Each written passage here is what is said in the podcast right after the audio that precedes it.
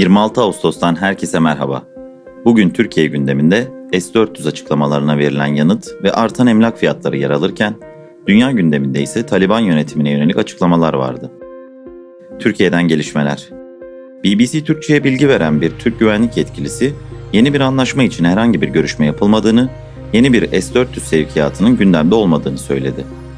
Bu her zaman konuşulup yapılabilir ama şu an için böyle bir girişimimiz, talebimiz olmadı diyen yetkili, şu an asıl gündemin Afganistan olduğunu ve Kabil Havalimanı için ABD ile Ankara'nın yakın işbirliği halinde çalıştığını hatırlattı. Ruslar ya niyet beyanında bulunuyor ya da bu ABD ile yaptığımız işbirliğini manipüle etmeye yönelik bir açıklama yorumunda bulundu. Rus haber ajansı RIA Novosti'nin aktardığına göre Rozoboron Export Başkanı Alexander Mikheyev verdiği bir briefingde S-400 Triumph'lar için Türkiye ile yeni anlaşmanın yakında imzalanacağını söyledi. Hepsi Emlak İstanbul'da son bir yıl içerisinde kira fiyatlarının %50'nin üzerinde artış gösterdiği 50 mahalleyi açıkladı. Endeksten elde edilen verilere göre kiralık konut kategorisinde ortalama metrekare fiyatındaki en yüksek artış %290 ile Sarıyer'in Rumeli Hisarı mahallesinde gözlemlendi. Dünyadan gelişmeler Dünya Bankası, Afganistan'da yönetimin Taliban'a geçmesinin ardından bu ülkede yürüttüğü projeleri ödemeleri durdurma kararı aldı. Afganistan'daki durumu yakından takip ettiklerini ve durumu kendi iç politika prosedürlerine paralel şekilde değerlendirmekte olduklarını ifade eden Dünya Bankası, uluslararası toplum ve kalkınma ortakları ile danışmaları sürdüreceklerini vurguladı. Pfizer CEO'su Albert Bourla, koronavirüsünün aşıya dayanıklı varyantının ortaya çıkmasının olası olduğunu belirterek böyle bir duruma hazırlıklı olduklarını söyledi.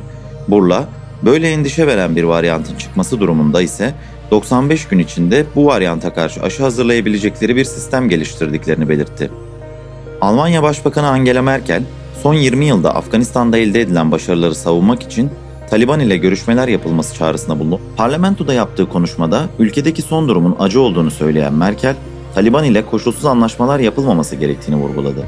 Alman Başbakanı ülkesinin Kabil'den tahliye uğraşlarının mümkün olduğu kadar devam edeceğini belirtti. G7 ülkelerinin liderleri önceliklerinin Afganistan'dan tahliyelerin güvenli şekilde sağlanması olduğunu belirterek Taliban'ın sözlerine göre değil, eylemlerine göre değerlendireceklerini ve kurulacak hükümetin meşruiyetinin uluslararası yükümlülüklerini yerine getirmedeki yaklaşıma bağlı olduğunu duyurdu. NATO güçlerinin 31 Ağustos'a kadar bölgeden çekilmesi bekleniyor.